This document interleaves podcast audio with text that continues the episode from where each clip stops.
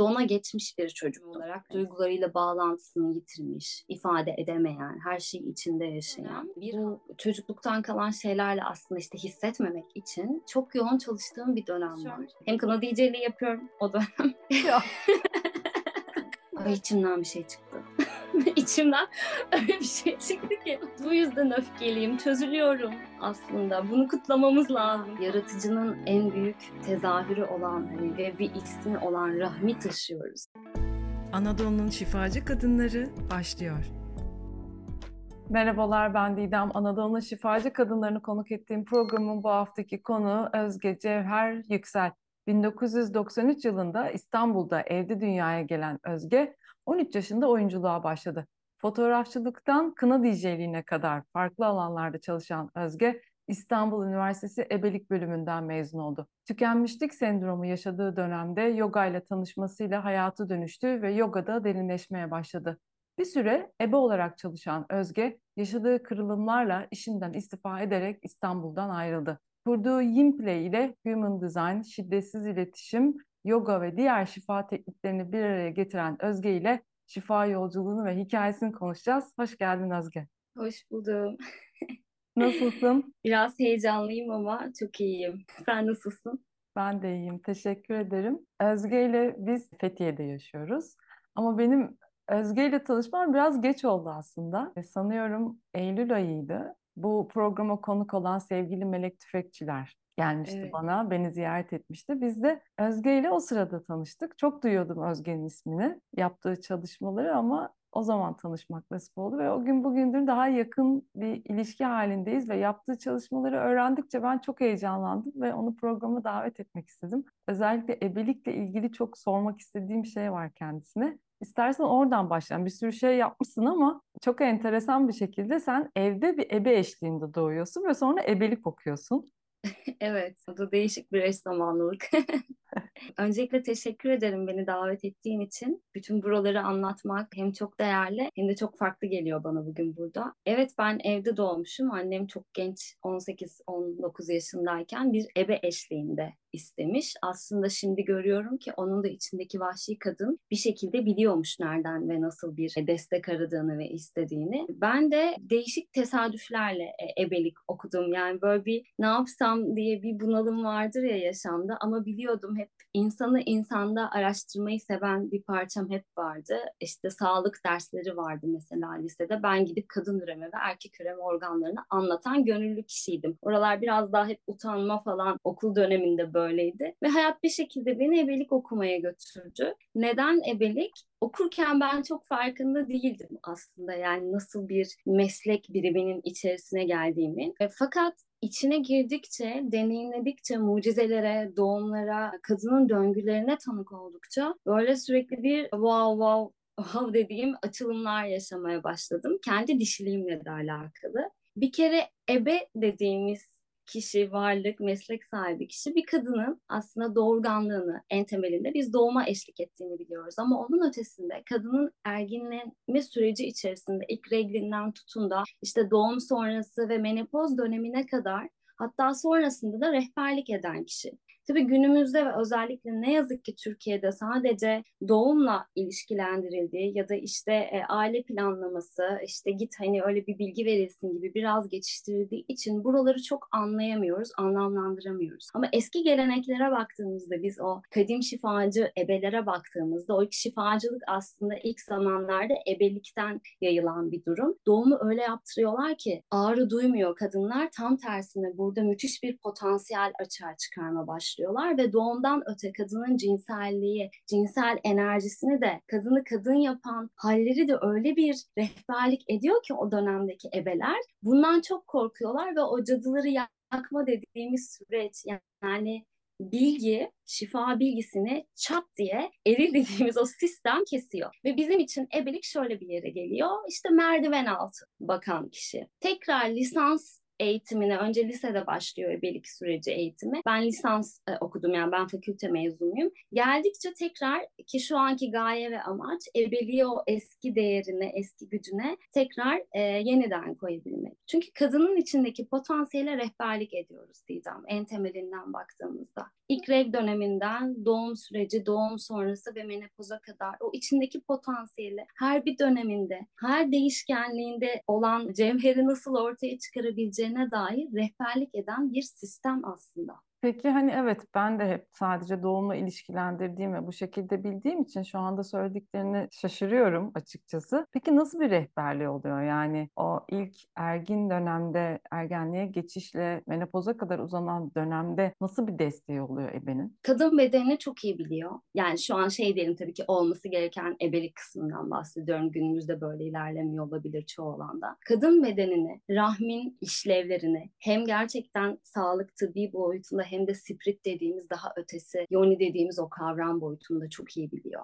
Rahmin pozisyonlarının kadının bedeninde ne gibi işlevlere sebep olduğunu biliyor ve bilgi, bilgeliği getiriyor. Kadın bedenini bu kadar bilip bunu aktarınca da tabii ki bir kadının en büyük gücü kendi bedenini bilmesi bence ve kendi döngüsünü bilmesi. Sadece bilmesi de değil, olan değişkenliğiyle bağlantı kurabilmesi. Ebe aslında bence benim gördüğüm ve şu an artık geldiğim yerde e, bir şaman gibi davranıyor. Kadın her ay aynı döngülere giriyor. Her ay karanlık dönemi var, aydınlık dönemi var, değişken dönemi var ve gerçekten bu yola gönlünü koymuş ebeler bu süreçte hani o şifacı kadınlar şifadır da e, anlatırlar bir iplik var, kırmızı bir iplik kadının tuttuğu ve sanki o ipliğin diğer ucunda ebe var ve diyor ki hadi gel bak bu yoldan yola bir aydınlık veriyor, bir ipucu bırakıyor gibi kadına. Şimdi mesela doğum dulalığı diye bir şey var. Doğum dulalığının ebelikten farkı ne? O da yine bir ihtiyaçtan çıkmış bir kavram olarak görüyorum. Ebeliği sadece günümüzde şöyle işliyor. Biraz belki buralardan bahsedeyim. Ben ebe olarak mezun oldum ama alanda ebe olarak çalışma fırsatı pek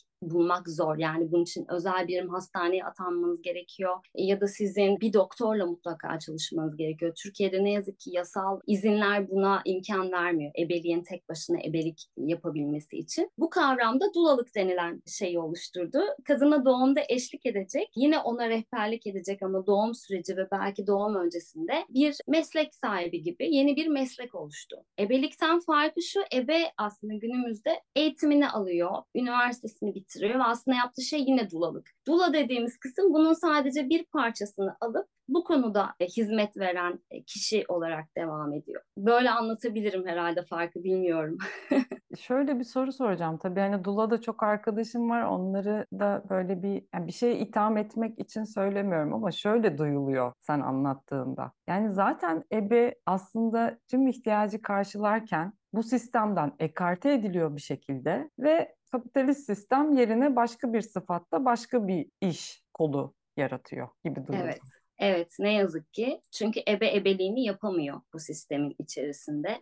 Peki ebe, yani neden ebenin ebelik yapmasına izin verilmiyor da dula diye bir şey çıkıyor? Bence bu da yine o ilk temel dediğimiz yerlere gidiyor e, Didem. O yine şifa bilgisinin elden ele aktarılmasına bir kesintiye e, uğratmak üzere bilinçli olarak ben artık böyle söylüyorum. Hani bilinçlilik kısmı konuşulur. Kesintiye uğratılmış yine bir şey olarak görüyorum. Yani çünkü ebe ne kadar gücünü almak istemeye çalış masıyla ben kendi okul sürecimden de biliyorum. Çok çeşitli kongrelerde bulundum. Bu doğallık, tekrar eski bilgilerin canlandırılması üzerine çok çalışmada bulundum. Ve gördüğüm bir şey var ki ne yazık ki bir noktaya kadar geliyorsun. Sonra bunu güç olarak yani ayaklarını yere bastırmaya çalıştığında tık bir engelle karşılaşıyorsun. Burada da böyle bir yine bir strateji olduğunu görüyorum. Bir yandan da dulalık yapan arkadaşları da hani e, bu konuda gücenmeleri gibi bir şey evet, olsun evet. istemiyorum. Çünkü burada bir ihtiyaç var. Ebe ebeliğini yapamadığı için bu alanda, bu alan açılamadığı için e, tabii ki o alan dolacak. Çünkü kadının en büyük desteği diğer kadın. Eski zamanda böyle gelmiş. Yani doğum yapan bir kadın diğer kadına rehberlik ediyormuş doğum sürecinde ve ilk ebelik böyle oluşmaya başlamış. Keşiflerle sonra gelişmiş, başka başka şeyler eklenmiş.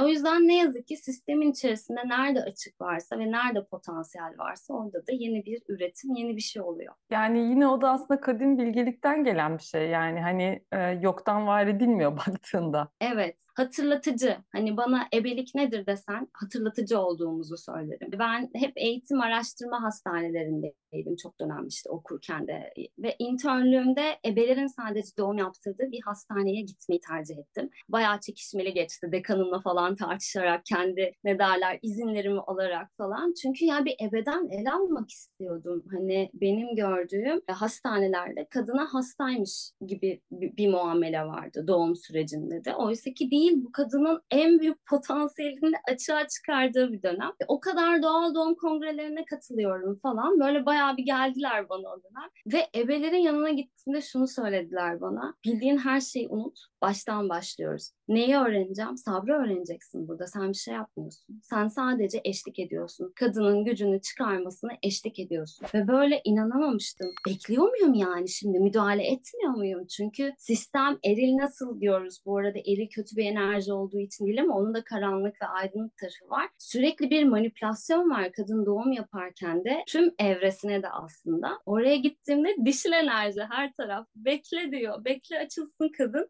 Ben tabii beklemekte çok zorlanıyordum ilk evrelerde. Çıkarmayacak mıyız şimdi plasantayı falan? Hayır, bu kendisi doğacak. Bekle diyorlardı sürekli. Ve muazzam bir şey. Yani müthiş öğretisi oldu Özge'ye de ebelik adına sunacağım diğer aslında her şeye de.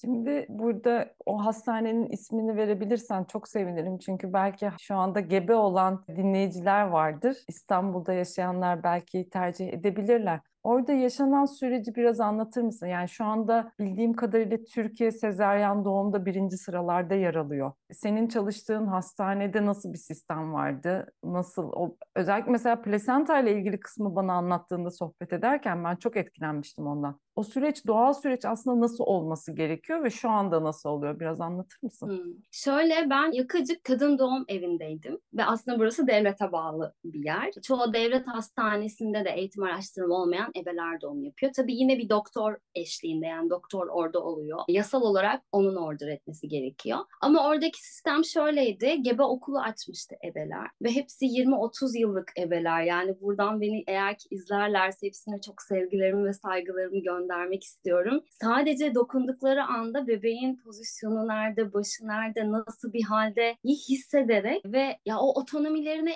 hayran kalmıştım açıkçası oraya gittiğimde. Orada şöyle oluyor. O hastanede yoğun bakım olmadığı için gebelik sürecinde herhangi bir risk görülmeyen gebeler oraya gelebiliyor. Doğum sonrası işte örnek veriyorum demir eksikliği olmaması gerekiyor gebenin ya da gebelik sürecinde olan bazı tansiyon hastalıkları vesaire gibi durumların olmaması gerekiyor.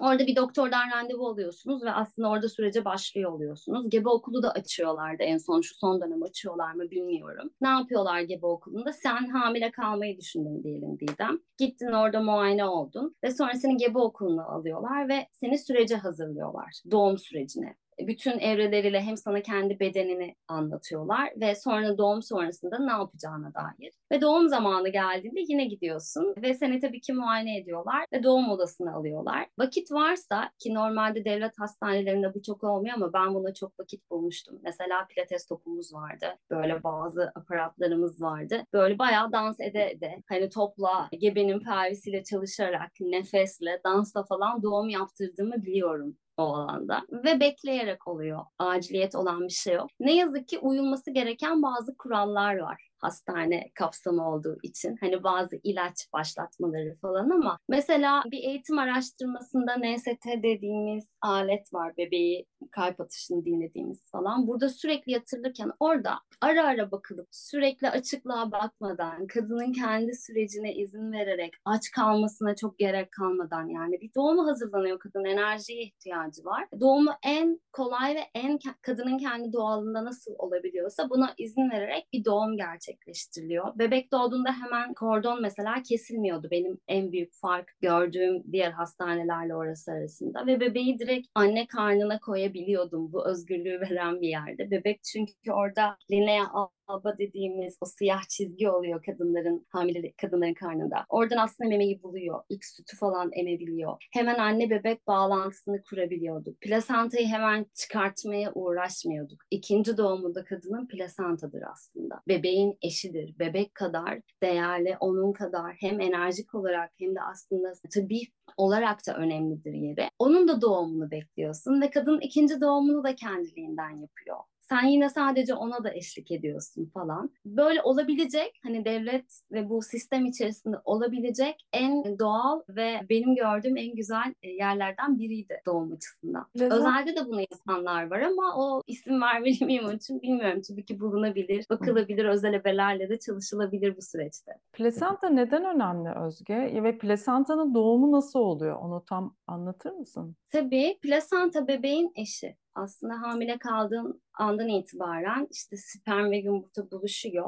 Geliyorlar uterusun iç tarafı dediğimiz endometrium orada bir yere tutunuyor ve o tutunmaya başladığı anda orada ayrı bir eş oluşmaya başlıyor. Yuvarlak bir uzun iplik gibi düşün. O iplikle anne karnına bağlı, anneye bağlı bir kordon ve bebekle beraber büyüyen, gelişen, besin mineral zinciri bakımından çok çok çok değerli bir sistem oluşuyor. Aynı bebek gibi. Şöyle bir şey düşün ahtapot gibi. Bebek de burada. Ve bebek artık doğum zamanı geldiğinde plasantadan ayrılmaya başlıyor kendi şeyiyle ve orada da bebek kadar beslenmiş, tutulmuş, en az onun kadar bütün o deneyime maruz kalmış bir varlık oluyor. Tabii ki bebek bir ruh, farkı şu içine ruh üflenmiş bir can olarak geliyor belli bir şeyden sonra ama herhangi bir organın gibi düşün. Hani seninle 9 ay, 40 hafta, 42 hafta eşlik etmiş ve sonra senden ayrılma bir süreci var. Bu aslında çok büyük bir şey. Bunun da bir yası var. Hani o kadar zaman tutulmuş. Tabii buraları çok irdeleyemiyorsun işte bu sistem içerisinde çalıştığında ama sonra baktığında onun da kendi zamanında gelmesine izin vermek. Hatta gömerler kadim geleneklerde plasenta geldikten sonra biz bakarız eksik parça var mı? İçeride bir şey kalmış mı? Kendini tam anlamıyla bırakabilmiş mi diye. Çünkü hem sağlık açısından iyi değildir kadının kanama riski yapar. Hem de tam anlamıyla gelmesinin de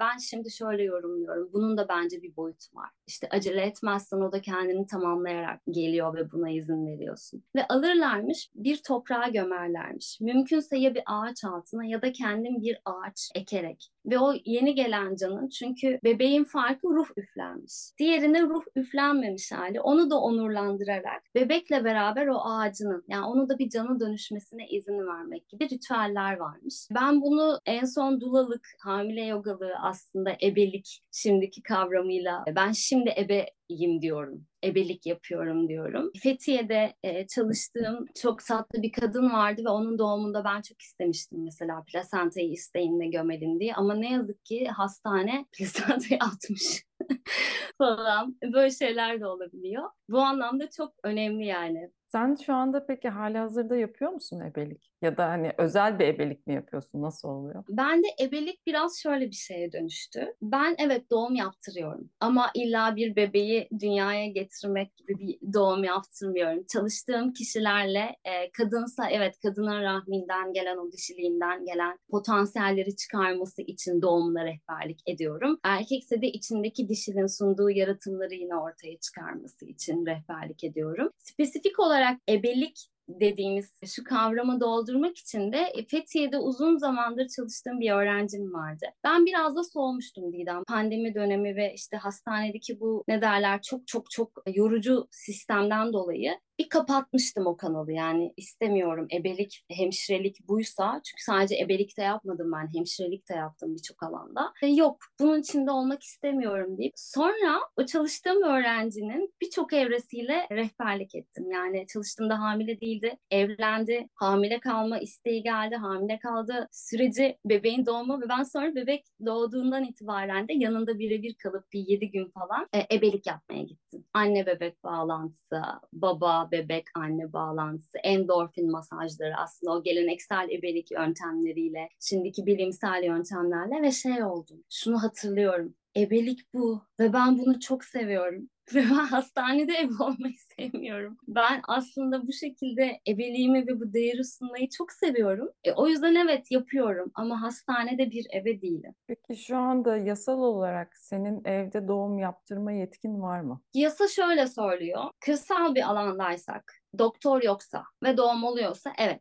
ilk yaptırma yetki benim var. Ama bir alanda doktor varsa önce doktor diyor sonra ebe sonra hemşire diye böyle bir sistem sunuyor. Peki farz edelim ben hamileyim ve doğum yapacağım ama hastanede yapmak istemiyorum. Sen doğuma gelebiliyor musun? Şöyle oluyor Türkiye'de için söylüyorum. Bu İngiltere, Hollanda gibi başka yerlerde değişik ama bizde sen hamile kalmak istediğinde yine bu açıklığa uygun bir doktorla önce tanışıyoruz ve o doktorla ben tanışıyorum ve diyorsun ki bu benim ebem ve ben ebemle süreci yürütmek istiyorum ve üçümüz beraber götürüyoruz o süreci aslında. Tek başına buna izin vermiyor Türkiye'de. Yani bu çok enteresan bir şey gerçekten de çünkü kadının kendi bedenini bilmediği zamanlardan geçiyoruz. Evet yavaş yavaş bir kıpırdanma, bir hareketlilik var kadının kendi bedenini keşfetmesiyle ilgili ama sanki daha çok alınacak yol var gibi duruyor. Burada biraz hani o kadın bedeninin gücünden de bahsedebilir misin? Senin de hani akademik olarak da öğrendiğin, farklı eğitimler de almışsın. Onlarla harmanlayarak biraz bilgi verir misin? Yani kadın bedeni sonsuz potansiyel taşıyor aslında. O potansiyelleri uyandırabilirsek diye görüyorum. Özellikle rahim yani biz aslında yaratıcının en büyük tezahürü olan hani ve bir ismi olan rahmi taşıyoruz. Ve bunun ağırlığı zaten çok büyük bir yerde. Fakat bunu fark etmiyoruz yaşarken. Bunu fark edebilmemiz için de önce bu rahim ne demek? Bu yumurtalıklar ne demek? Bu yoni dediğimiz yani pelvisimizin o kaplayan bu yaratım alanı neye hizmet ediyor? Benim döngüm ne demek? Yani her ay kanıyorum ya da kanamıyorum belki bazı sıkıntılardan ya da doğalımdan uzaklaştığım için. Ama her ay bir döngü geçiriyorum. Bu döngünün işlevleri ne demek? Ve buraları bildiğinde aslında kendinle bağlantı dediğimiz yer burada başlıyor. Kadın orada kendisiyle bağlantı kurabildiğinde bir de buna beden bilgeliğini, beden bilgisini eklediğinde işte orada sonsuz potansiyeli ortaya çıkmaya başlıyor. Örneğin kan akıttığımız dönem yani regl olduğumuz zaman müthiş sezgilerimizin açık olduğu aslında dış etkilere de her türlü enerjiye çok açık olduğumuz bir dönem. Ve bu dönem yeni bir üretim için çok da uygun bir dönem değil. Yani bunu zaten aslında kendinle bağlantıya geçtiğinde görüyorsun. Daha hassassın, çok dokunmak istemiyorsun. Çok rahat konuşacağım. Ağda yaptıramayız falan. Çok canımız acır o dönemde. Ay deriz ekstra acır yani. E bu kadar fizikselde bunu hissettiğim bir dönemde sen harala göre kalabalığa gireyim, onu yapayım, bunu yapayım gibi bir to-do listlerle yaşarsan, bu dönemi böyle to-do listlerle yaşarsan o zamanın şifasını da alamıyorsun. Çünkü kanın aktıkça aslında bir arınma yaşıyorsun sen. Hem fizikselde toksik olarak arınma hem aslında duygusal olarak bir arınma süreci yaşıyor olan kadın inanılmaz bir dönem. Ne yapıyormuş mesela eski zamanda kadınlar? Kırmızı çadır dedikleri çadırlara girip ki bir de şey vardır aynı yerde yaşayan kadınların döngüleri bir süre sonra birbirlerine çekilir. E, o dönemi sezgisel olarak dinliyorlarmış yani ne oluyor? Geleceğe dair bir şeyler geliyor ya da kendiyle ilgili. Çıkarken de eriler bekliyormuş dışarıda aslında yani. Yeni hangi vizyonla gelecek kadınlar? Hani bu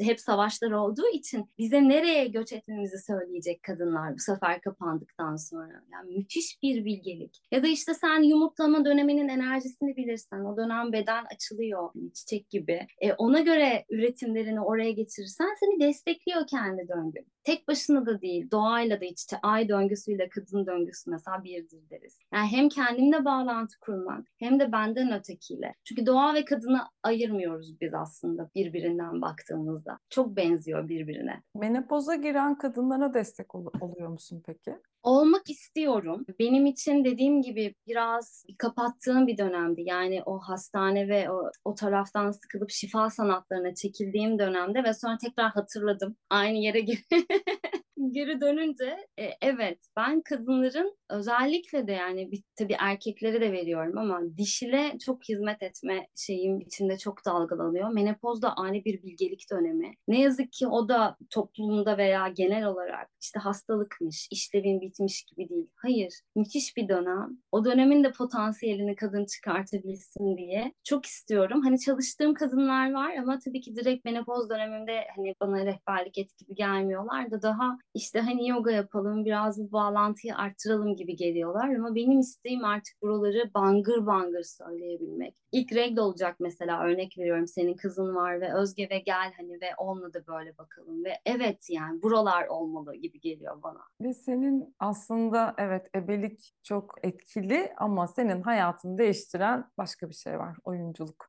Evet. Hikayeni anlattığında ne kadar içine kapanık, ne kadar sessiz bir çocukluk geçirdiğini söylemiştin ki çocukluğa da ayrıca gireceğiz bu arada aile kısmına. Ama küçük yaşta oyunculuğa başlıyorsun ve o senin hayatını değiştiriyor. Seni nasıl değiştirdi? Seni nasıl dönüştürdü? Nereden nereye getirdi? Biraz bahseder misin onun şifasından? Ben gerçekten çok sessiz. Şu an yorumladığım bir şey dona geçmiş bir çocuktum. Hani sinir sistemi olarak duygularıyla bağlantısını yitirmiş, ifade edemeyen, her şeyi içinde yaşayan bir halim varmış. Ta ki oyunculuk, ilk oyunculuk deneyimime kadar. Annemle babam işte ikinci kez ayrıldıktan sonra biz taşındık ve böyle yeni geldiğimiz yerde yürürken bir ağaç dalında bir oyunculuk atölyesi afişi gördüm. Ve neden nasıl bilmiyorum Didem. Böyle şeyleri gerçekten anlamlandıramıyoruz. Ben buna gideceğim dedim. Ve annem böyle çok şaşırdı. Hani o sessiz, kapalı, hiç konuşmuyor zaten taşınmışız falan. Buna gideceğim diyor ve duramadı. Hani, Okey dedi o kadar bir yüksek tonla söyledim ki.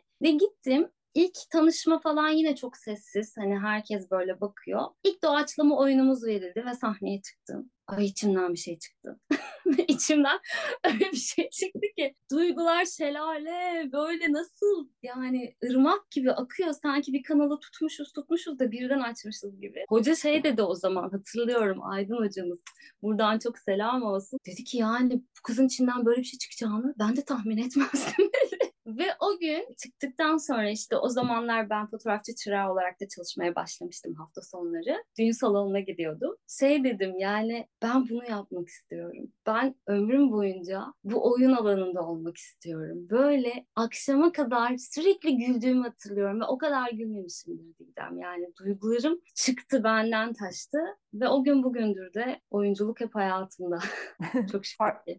Farklı ekollerden de eğitim almışsın. O ekollerin nasıl bir etkisi oldu senin kişisel gelişimine? İlk temel Stanislavski aldık zaten hani oyunculuk ve tiyatro denildiğinde gelen. Ama sonra ben bedenle çalıştığımı çok sevdiğimi fark ettim. Ya işte hayatıma o fiziksel çalışmalarında girdiği dönemde. Hani bedendeki bir pozun, bir şeyin duygusal etkisini ben de fark ettikçe ya dedim buralara daha nasıl girebilirim? Sonra hayat karşıma Grotowski'yi getirdi bir dönem ve o Türkiye'de bir kamp yapıyorlardı ve çok eş zamanlık olarak o kampa girebildim. Şöyle bir şey bizim şu an şifa sanatları diye çalıştığımız birçok atölyenin, birçok çalışmanın hepsi oyunculuk çalışması olarak içeride ve bir ay kapanıyorsun ve sabah başlıyorsun. Bunun için de salon dansından da tut her türlü aile dizilimi ya da şamanik ritim çalışmalarına kadar her şey var. Ve dedim ki bu ne? Hani hem fizik var hem ses var. Ben çünkü şarkı söylemeyi, dans etmeyi, her şeyi falan bir arada olsun istiyorum. Grotowski beni, yani o metot şu anki yin play'in temellerini atmamdaki en büyük ittirici kuvvettir. Ben bunu evet illa sadece oyunculuk, sahne veya televizyon değil, her alan bir sahne ve her şekilde bu yaratıcıyla bağlantı kurabilirim. Çünkü oyunculuk da spiritüel bir yol. Artık öyle bir yere geldim. Dediğim bir yerdi Grotowski ee, ve ondan sonra zaten yin play doğdu açıkçası. Eric Morris'le çalıştım bir dönem. Hı. O da ayrı bir teknik. O da daha çok zihinsel, daha psikolojik, daha derinlere daldıran bir teknik. Onu da sevgili Deniz Erdem'le girizgah yapmıştım. Böyle çok yakın bu ikisine giriş dönemim. Sahnede fütursuzluğu arıyordu o dönemde. E tamam bunları keşfettin ama fütursuz olamıyorsun yine. Bir şey seni tutuyor diyordu. Ve bunun için gider gittim oraya. Ama çıktığımda Özge'nin fütursuzluğu üzerine çalıştığımı gördüm. Yani oyunculuk falan hepsi gitti. Özge'nin derinliklerine doğru bir yolculuk başladı. Hatta annemin şöyle bir söylemi vardı bana. Yani Özge bıraksan mı? İyi gelmiyor mu falan. Çünkü sürekli bir duygu hale geliyor. Sürekli bir farkındalık bir şeyler geliyor. Aslında olan şuydu Didem. Ben uzun yıllar hissetmeyi kapatmıştım kendimde. Ve ben hissetmede iyileşmeye başlıyordum. Ve hissetmede iyileştikçe bütün e, buzlaştırdığım kabuk haline gelen yerler tek tek çözülmeye başlıyordu bu çalışmalarla. Yoga'ya başlıyorsun sonra. Yoga'ya evet. başlama nedeni neydi? Ne yaşadın o dönemde ve yoga'ya başladın ve yoga sana nasıl geldi? Yolculuğunu nasıl etkiledi? Yoga ya ben bir dönem bu çocukluktan kalan şeylerle aslında işte hissetmemek için çok yoğun çalıştığım bir dönem var. Ve bu bayağı beni tükenmişlik sendromuna götüren işte şimdi dillerde kullandığım uykusuz cevher lakabını bana katan bir şey. Uyumuyordum gerçekten midem. Okuyorum üniversitede hem okulun nöbetleri var hem kendim hemşire olarak çalışıyorum hem kanal DJ'liği yapıyorum o dönem. Ya. bir dakika burada. Ya sen bana onu ilk dediğinde gerçekten yani ger- o kadar şaşırtıcı bir insansın ki hani ve şeyi hala oturtamıyorum kafamda. Yani o küçük kız çocuğu nasıl hani buralara böyle geldi ve nasıl dönüştü? Yani he- her işi de yapmışsın işte fotoğrafçı çıraklığından kına DJ'liğine yani oralarda da çok hikaye vardır eminim ama onu da tam sormak istiyordum kına DJ'liği ne ara oldu diye sen söyledin neyse ki. O da yine aynı dönem aslında. İşte ben annem babam ayrılıyor. Oyunculuğa başlıyorum. O içimden bir şey çıkıyor. O dönem benim teyzem düğün salonunda fotoğrafçılık yapıyor. Onun yanında çıraklık yapıyorum. Sonra orada bir üç yıl falan geçiyor. Böyle bir lise dönemim orada. Baya ben yükseldim yani. Çıraklıktan fotoğrafçılığa yükseldiğim bir evre oldu falan. Sonrasında da bir ihtiyaç oldu. İşte her şey ihtiyaçtan çıkıyor. E, Salonda e, ve ben nasıl geçtim bilmiyorum. Sonra bir baktım ya diyorum ya kadınlarla olmayı seviyormuşum yani. O zaman da belli kınada bir ritüel, bir geçiş evresi, evliliğe geçiş seremonisi aslında. Seviyormuşum. Ö- öyle bir yerden dört yıl falan yaptım kadınların o evresine de eşlik ederek. Tabii bu kadar işi bir arada yapmaya çalışınca da tükenmişlik zaten kaçınılmaz olarak geldi. Ama burada tükenmişliğin sebebini orada çok güzel ifade ettin. Çünkü ben de terapi sürecimde bende de hiperaktivite ve duramama sıkıntıları var. Hmm. Terapistim bana şey demişti, bu kaygıdan kaynaklı hiperaktivite. Yani sistem orada kalamıyor. Dediğin gibi donda ve hiçbir his yok. Kopuk tamamen bütün bağlantı ve onu kapatmak için sürekli çalışıyorsun. Sürekli bir şeylerle kendini aslında oyalıyorsun ve bedenen yorgun olduğun halde ve zihnen kendini durduramıyorsun. Ben bunu yani kendimi tarif ederken kuyruğunu yakalamaya çalışan köpek gibiyim diyordum. Çok çok güzel bir tabir. Tam olarak öyle aslında. Orada çok duygu var, hüzün de var, kaygı da var ve ben de temas etmemek için her anımı dolduruyormuşum ve bir süre sonra yaptığım şeyleri de hissedememeye başlıyordum. Yani belki bunu yaşayanlar vardır o yüzden ilham olur. Sarılamıyordum bile. Yani birine sarıldığımda hissedemiyordum. O böyle ve o kadar sarılınca da insanlar garip bakıyordum falan böyle o dönemler.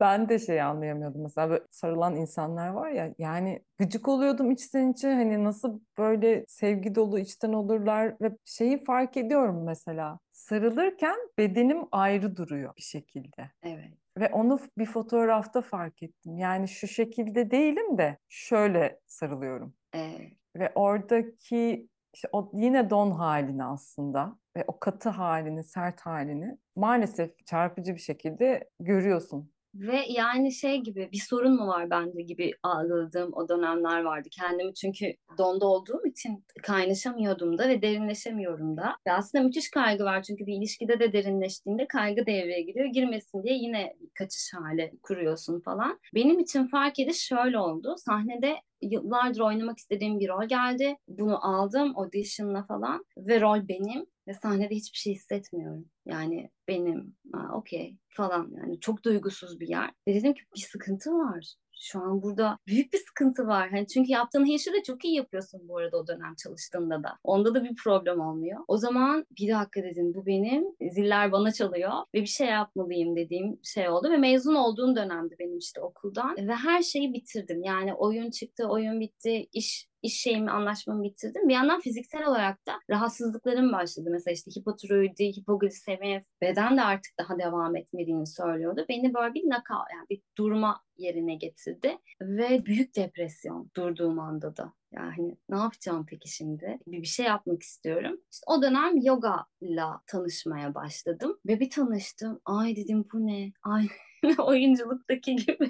Dedim ki ben bunu da yapmak istiyorum bütün yaşamım boyunca. Çünkü hormonlarım düzeldi, hipoglisemim dönüştü, şeker dengem yerine geldi falan. O hissetmeye başladım. Kımıl kımıl bir enerji geldi. Bende meğersem neler varmış falan diye böyle bir karşılaşmalarım olmaya başladı. Aynı şey beden bilgeliği yani bedeni kontrol edebilmek, onu hissedebilmek. Dona geçen insanda şöyle bir şey oluyor Didem. Sinir sisteminde biz proprosepsiyon ve introsepsiyon dediğimiz iki bağ var. Bir kolumu elimi nereye koydum? Propro ve bir de içeride bana ne oluyor? Bu bağlantı kopuyor. Ve yeniden bu bağlantı kurulduğunda içeride de bir şeylerle bağlantı kurulmaya başlıyor. Sevgi gibi ama gerçek daha hissedilebilen bir sevgi gibi ya da öfke gibi. Ve genelde de ondan çıkmanın ilk şeyi de göstergesi de öfke oluyor. Tabii ben çok öfke patlamaları da yaşadım o dönemde. Ve en yakınıma tabii ki çıktı bu anneme yani en beni görebilecek kişiye. Sonra ilk bu da bir sorun gibi geldi. Sonra dedim ki Hani genelde söylerler ya, yoga yapıyorsun sen. Niye bu kadar öfkelisin? İlk evre böyleydi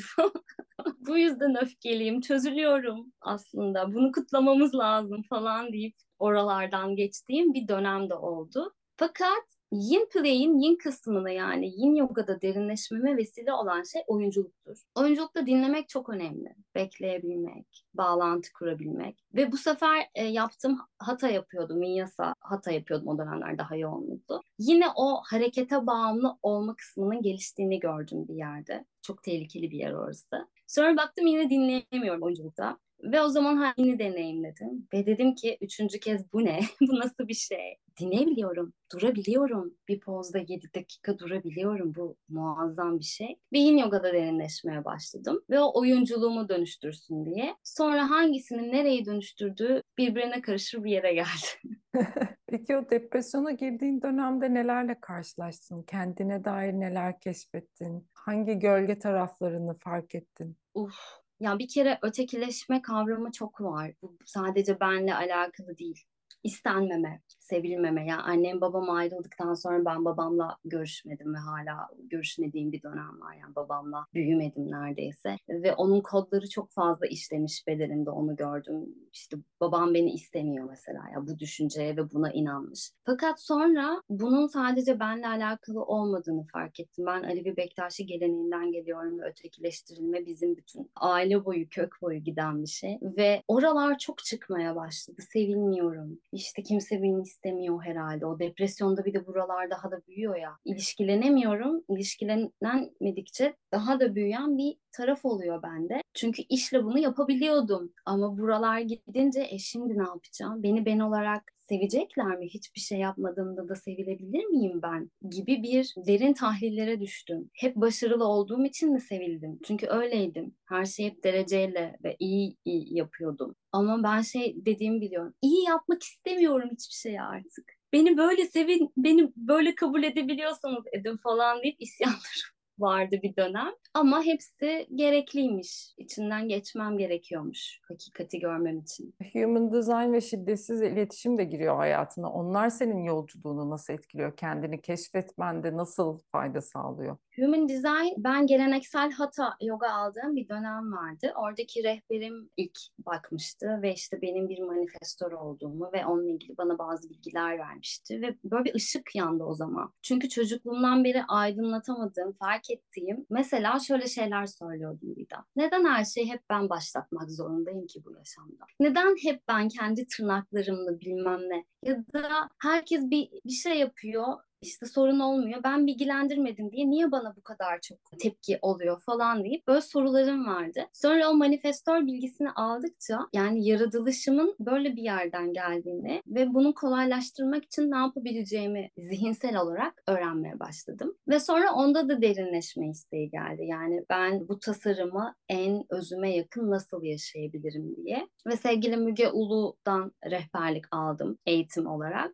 Ve orada tipleri hepimizin aslında yaratılış olarak eşsiz olduğumuzu ve yaşamda belli stratejilerimizin ve otoritelerimizin olduğunu fark ettik gittikçe kolaylaşmaya başladı yaşamım. Bu tabii ki böyle tık öğrendim olan bir süreç değil, bayağı de- deneyimlemeye başladım. Oyun, tiyatroyu, karakterleri bile bunun üzerinden falan yorumlamaya, izlediğim dizileri buralardan falan bakmaya başladığım bir dönem var. Hala böyle yapıyorum. Kendimle ve ilişkide olduğum her şey nasıl, özünden öyle mi, böyle mi? Yani söyleyip ona inanmak değil de deneyimleyerek içinden geçmeyi sağladı bana Human Design. Şiddetsiz iletişim de burada çok etkili oldu. Çünkü ben bir duygusal varlıktım. Çok fazla duygum var ve zaten çok eskide duygularımı ifade edemediğim için dona geçmiştim. İfade mekanizması yoktu bende yani nasıl hissediyorumun cevabı yoktu. Bir sürü şey var ama derine inemiyorum. Yogayı ve bu öğrendiğim öğretileri hayata ve insanlara taşımak konusunda şiddetsiz iletişim bana çok destek oldu. Orada onun dört adımını uygulayabildikçe yorumlardan arınmaya başladım zihnimin koyduğu inanç ve yorumlardan. Duygularımla temas, ihtiyacım ne? Ve hala geliştirmeye çalıştığım bir evresi var ki rica kısmı. Hani en yaratıcı kısım orası. Gerçekten şu an bu ihtiyacımı peki nasıl dile getirebilirim konusunda bana çok destek oldu şiddetsiz iletişim. Annen baban iki kere boşanmış. Bu seni nasıl etkiledi? Yani çocukluğun nasıldı? Boşanmadan önce babanla ilişkin nasıldı? Annenle ilişkin nasıldı? Oralarda hatırlayabildiğin kadarıyla biraz o eskiden bahsedelim mi? Yani tabii ki bu çıkarımlar bu dönemde olan çıkarımlar. O içinden geçerken çok da fark ettiğim şeyler değildi buralar. İlk boşandıklarında sanırım daha küçüktü yaşım ve böyle anlamakla anlamamak arasında bir değişik bir yerdeydim. Ama babamla ilişkim zaten hiçbir zaman öyle sıkı fıkı olmadı. Hani böyle çok az anımızı hatırlıyorum. İşte beni parka götürdüğü ya da birlikte ders çalıştığımızı daha çok hatırlıyorum. Ama hani babam kişisel olarak Özge'de bu var, şu var gibi bir bağlantımız yoktu. Çünkü şu an görüyorum ki o da dona geçmiş bir varlıktı. Onun da kendi çocukluktaki yaşadığı şeylerle ilişki kurmasını engelliyordu bu dönem. Annemle hep daha yakın ve hani her şeyim hep anne üzerinden. Hani bütün alışverişi anne üzerinden yaptığım bir ilişkimiz vardı beraberlerken de. Şeyi fark ediyorum. Benim bu dona geçme olayım çok küçüklükten olduğunu görüyorum. Ve Özge'nin farklı evreleri var. Ev içinde daha sessiz, içe dönük. Beni okula gönderirken mesela şöyle göndermiş annem. Özge kesin dayak yer. Yani çok sessiz Özge bir, bir ona kötü davranırlar diye. Okulda bir görüyor ki ben işte sınıf başkanı oluyorum. Herkes benim şeyimde. Hani ben insan kök söktüren bir yerdeyim tabiri caizse ve inanamıyor bu benim kızım mı diye. Hani bunu da şimdi öğrendiğim bilgilerle yorumluyorum Didem. Human design bilgileriyle biraz da. Kimliği tanımsız bir varlığım. Evdeki olanı oluşumda orayı biraz yansıtıyorum. O dona geçme halini. Okuldaki oluşumda da orayı yansıtıyorum. Farklı özge yok aslında ama yansıtan özge var. Özgenin potansiyelini çıkarabileceği ortamlar var. Hep böyleydi duruşum. Ve ilk ayrıldıklarında ve taşındığımızda tamamen içe döndüğüm ve yine o işte kimse sevmiyor, istemiyor deyip tek olduğum bir dönem vardı. Yani o etki, o babadan ayrılma etkisi yaşamıma böyle yansımıştı. Okul yaşamıma da bir iki yıl ayrı yaşamıştık. Sonra tekrar geri döndüğümde okulun popüler kızı, aile o ilişkisi kuruldukça okulda da yeniden çiçeklenme dönemi gibi. Genel olarak babanın eksikliği bir eril kavramının eksikliği üzerinden yaşanmış ve bunu kabul etmemişim ben çok uzun zaman. Aslında baba yok dememişim hani hep baba orada. Ben her şeyimi hallediyorum. Annem hem baba hem şey zaten problem yok gibi geçirmişim. Ta ki işte o büyük kırılma noktasına kadar o her şeyi elimden gittiği ve kendimde kaldığım evreye kadar böyle bir dönem geçirdim. Nasıl hissediyorsun peki oralarda? Şimdi şükür ediyorum. Çünkü beni ben yapan ve şu an sunabildiğim ne varsa o dönem e, çok çalışmama ve bu duygularla dans edemediğim için aslında ürettiğim ve içinden geçtiğim şeylere borçluyum. Kına DJ'liğinin bana kattıklarıyla, oyunculuğun, fotoğrafçılığın, yaptığım diğer şeylerin bana kattıklarıyla şu an sunabildiğim şeyleri sunabildiğimi görüyorum. O yüzden şükran doluyum. E tabii ki yani yası ve kutlaması iç içe. Sohbet içerisinde geçti Alevi Bektaşi kültüründen geliyorsun ve bir süre uzak kalmışsın. Tabii ki de bu süreçte maalesef yaşananlardan dolayı işte konuşulması, telaffuz edilmesi, Aleviyim denmesi vesaire bunlar çok korkutucu şeyler olduğu için insanların sindirildiği bir zaman oldu ve ben de biliyorsun bu yolu öğrenmeye adadım kendimi ve burada gördüğüm maalesef ki özellikle yeni neslin tamamen uzak kaldığı ve asimile olduğu bir yerler buralar. Şimdi şimdi belki yavaş yavaş bir merakla kendi köklerine dönmek isteyenler biraz o yolu öğrenmeye çalışıyorlar ama tanıştığım çoğu genç arkadaş maalesef ritüellerden bir haber. Se, sende durum nasıl? Sen bu ritüelleri yapıyor musun? Biliyor musun? Bilgin var mı? Kökleri araştırdın mı? O köklere dair nasıl bir miras taşıyorsun? Biliyor musun? E, benim şöyle bir evrem oldu. İstifa edip bu yolculuğa artık tamamen bu yola çıkıyorum dediğim noktada yola çıkmadan önce Sivas'a bu bilinçle yani o dönemki bilincimle köklerimle buluşmaya gittim. Hani böyle hep küçükken götürmüşler. Ben İstanbul'da doğdum büyüdüm. Çok bilmiyordum açıkçası. E, ve oraya gittiğimde şunu fark ettim. İşte şey, her gün yoga yapmak istiyorum ilk ve hani yapamıyorum, mata çıkamıyorum bir türlü. Ama şöyle bir şey var orada. Beşte kalkılıyor zaten kendiliğinden. Gün doğumuyla herkes kapısını açıyor. İşte dereye gidip işini görenler ayrıca var hani sulak bir yer olup ve kalkıp birbiriyle o ilk etkileşimleri sabah seremonileri kendileri arasında yapılan seremoniler ya da ziyaretler çok fazla var köyün içerisinde yani dua edilen alanlar sabah gidip dua etmeler oraya çaput bağlamalar bir şey bırakmalar gibi. Böyle ilk iki gün falan kendime kızıyordum. Ya şu an hiç mata geçemiyorum bilmem ne. O klasik gelir ya hani o hal hepimize almışız öğretiyi diye. Sonra bir fark ettim ki ben burada öğretinin kendisini yaşıyorum şu an aslında. Sabah 5'te uyanıp hemhal olmak, dua etmeye çıkmak. Teyzemle Ali Puar diye mesela köyde bir alan var doğa alanı. Her akşam gün batımında oraya gidip orada o alanda aslında vecdetmek mi diyeyim yani orada doğaya otururduk birlikte ve dönüp baktığımda yani kendi şu an öğrendiğim sonradan hatırladığım sistemde de gün batımında bu alanları açmanın ne kadar değerli olduğunu biliyorum ve bu zaten yapılıyor. Ben aslında kelam orada şunu anladım ve sordum da ben nereden geliyorum, atalarım nereden geliyor, benim büyük annem hangi acıları çekmiş, nelerden geçmiş, kalp kırıklığı varmış gibi ve keşfettiğim bilgiler inanılmazdı. Şöyle bir şey oturduğumu hatırlıyorum. Toprağa dokunup ya izin istiyorum ve bana neyi varsa onu da sunun. Çünkü ben bu yola gidiyorum biraz daha farklı bir şekilde deyip. Ondan sonra bir şey oldu Didem. Yani o ziyaretten sonra benim örneğin bağlama çalıyordum çok eskiden ve ondan da kopmuştum ve tekrar türkü, değiş söyleme, o bizim kendi ne derler işte banyo yıkarken mesela annemler hep doğayla yıkarlardı küçükken onu hatırlıyorum mesela şimdi ve unutmuşum bir dönem yok bunlar sanki hiç olmamış gibi. Bunları hatırlamaya başladım. Kendi ritüellerimizi hatırlamaya başladım. Şimdi çok kabul ettiğim, toprağımı çok onurlandırdığım, Sivaslıyım bile demezdim. Hayır benim atalarım buradan geliyor ve ben bu kökten geliyorum dediğim. Alevi diyemezdim yani deme derlerdi çünkü korku, korku çok vardı. Bunu dolu dolu söyleyebildiğim çok şükür ki bir yerdeyim. Umarım herkes için de bu yani çok değerli. Ebelik için de aslında aynı şeyi söylüyoruz ya. Unutuluyor. Bilim ya da insanlar bir şeyi kanıtlayamadığı için bunu yok sayabiliyor ne yazık ki. Ama aslında seni sen yapan bir sürü değer var orada. Yani bütün hazine o köklerde aslında, o köklere dönüşte. O yüzden bu kadar mutsuzuz şu anda. O kökten uzaklaştığımız için, o kökün mirasını yerine getirmediğimiz için ki bence hepimiz sorumluyuz. Fark etmiyor nereden geldiğimiz. Ermeni olabiliriz, Rum olabiliriz, Alevi olabiliriz hiç fark etmiyor. O ataların mirasını taşımak, onların yaptığı ritüelleri öğrenmek ve bunları uygulamak bence hepimizin boynunun borcu diye düşünüyorum ben.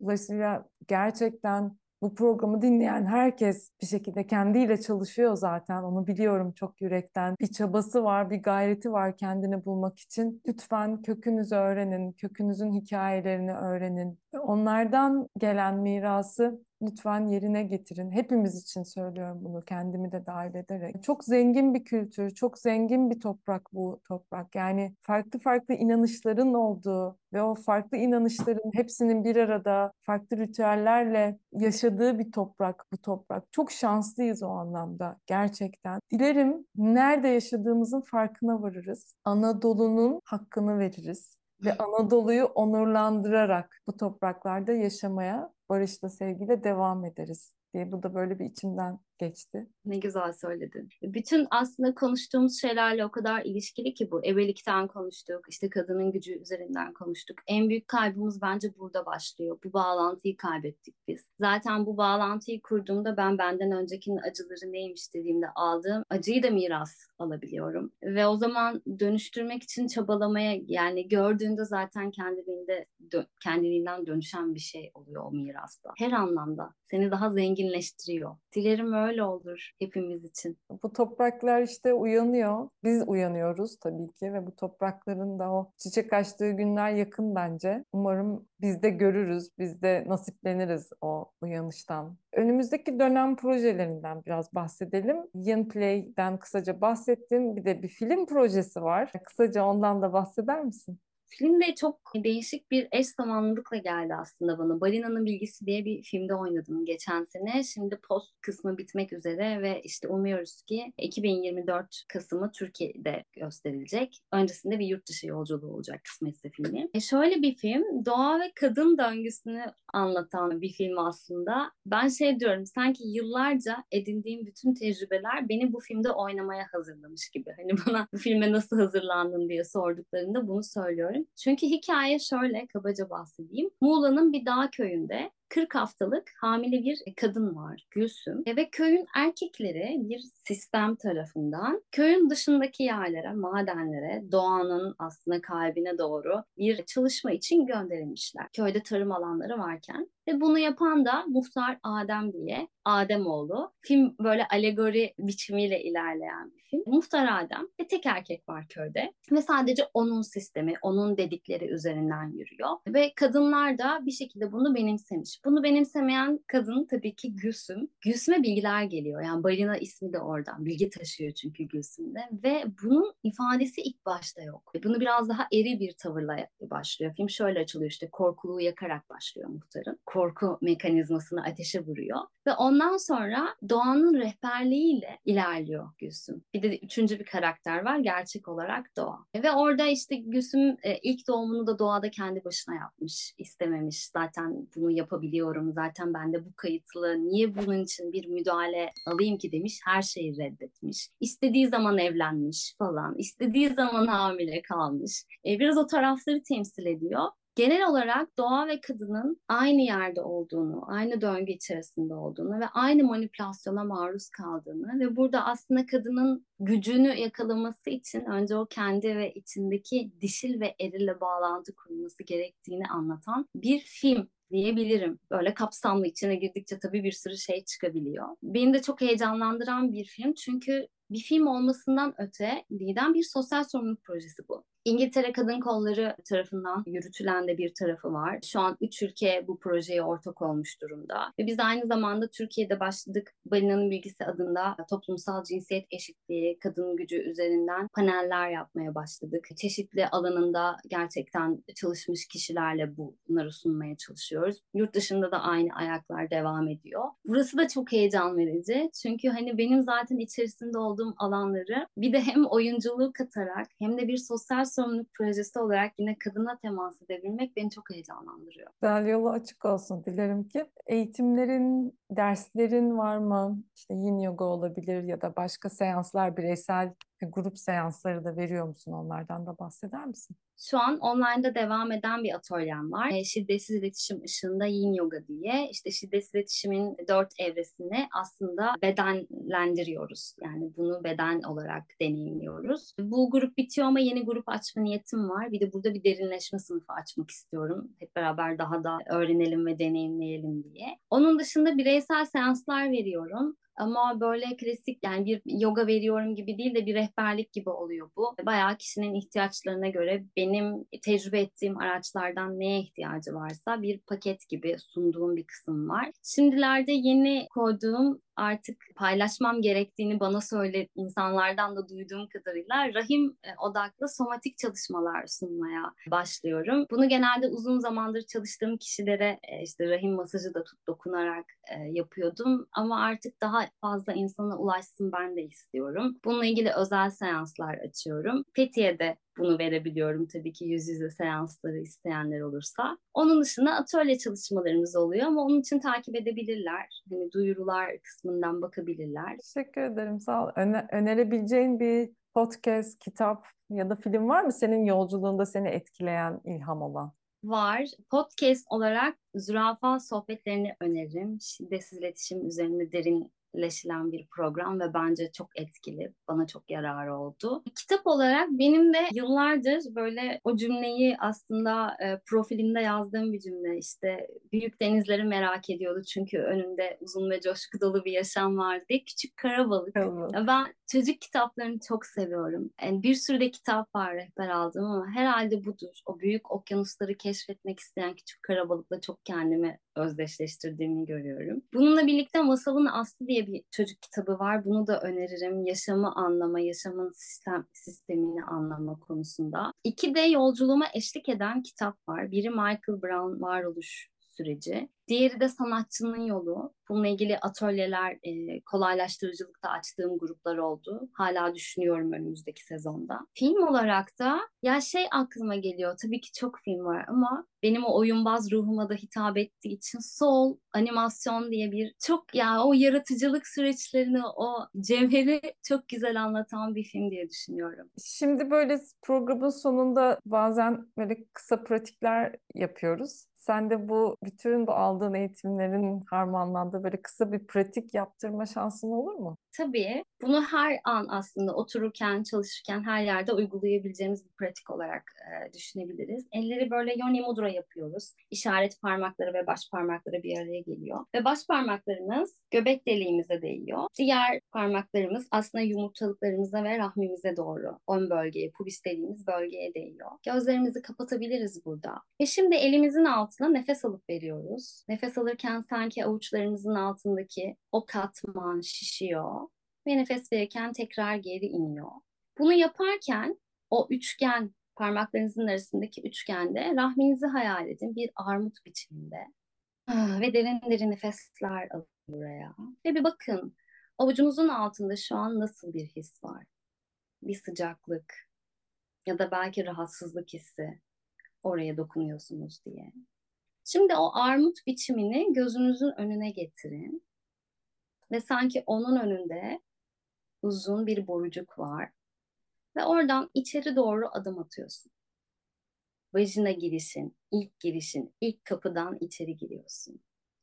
Ve bak nasıl rahat mı girdin? Yoksa biraz seni zorluyor mu oraya girmek? Ve ilk uzun borucuk dediğimiz o rahim ağzı girişinden yukarı doğru çıkıyorsun rahim ağzına gelene kadar. İkinci kapı.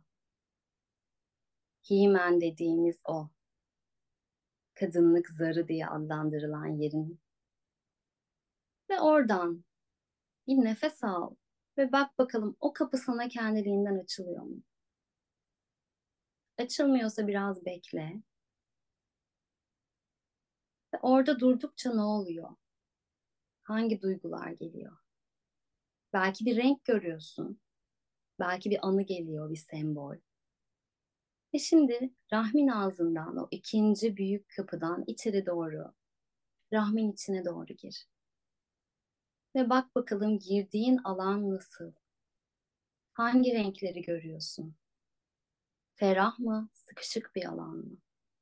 Ve ayak tabanlarını iyice yerdeysen veya sandalyedeysen yere temas eden her neyse bırak temas etsin. Ve eğer bizim gibi ayakların yerdeyse aldığın her nefeste sanki ayaklarından nefes dalgası giriyor. Ve rahminin içinde belki şu an seni sıkıştıran herhangi bir şey varsa oraya o nefes girip bir su gibi, suyla temizler gibi temizliyor ve nefesini verirken tekrar ayaklarından aşağı doğru bırakıyorsun. Bacaklarının arası açık değilse iyice aç.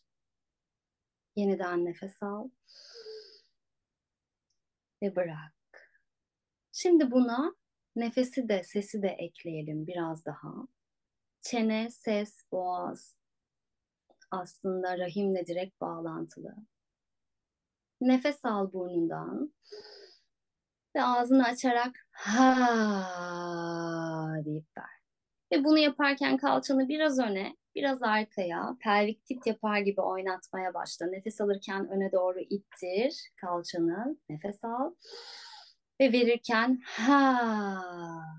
Kuyruk sokumun geriye. Nefes al öne doğru. Ha ver. Al nefes. Aç ağzını. Ha. Yaratım ve nefes. Bırak çıksın. Birkaç nefes daha yap. Ve bekle. Bak bakalım hangi hisler misafir oldu sana şu an. Belki ses çıkaramadın. Belki ağzını açmaya çekindin. Hepsi okey. Utanç mı geldi, kaygı mı geldi? Ya da haz mı geldi? Ne geldiyse. Ve eğer konforsuz duygular geldiyse hangi ihtiyacın var? Şu an karşılanmayan. Bir an bunu gör. Ve kendine bir rica cümlesi söyle. Belki daha çok ses çıkar diyorsun. Belki daha da bırak demek istiyorsun. Neyse. Ve hazır olduğunda gözlerini açabilirsin. Sağ olasın. Ve son olarak Evet. yolda olanlara ne söylemek istersin? Ayaklarına güvensinler demek isterim. Ne bastıkları zemine, ne tutunacakları herhangi bir şeye. Kendi ayaklarına, kendi güçlerine tutunsunlar derim. Çok teşekkürler Özge. İyi ki geldin. Teşekkür ederim. Davet ettin.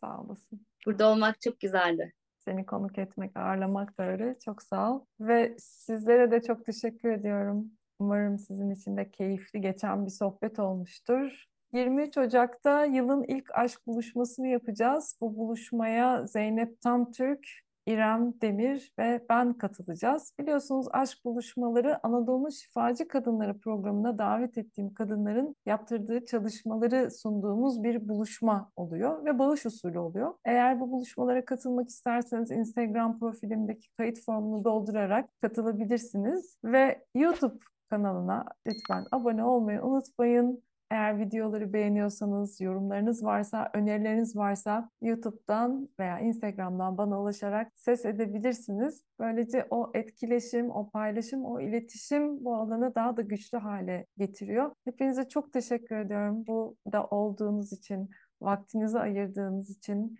bizimle beraber bu çembere oturduğunuz için. Kendinize çok iyi bakın. Bir sonraki programda görüşmek üzere. Hoşçakalın. Anadolu'nun şifacı kadınları sona erdi.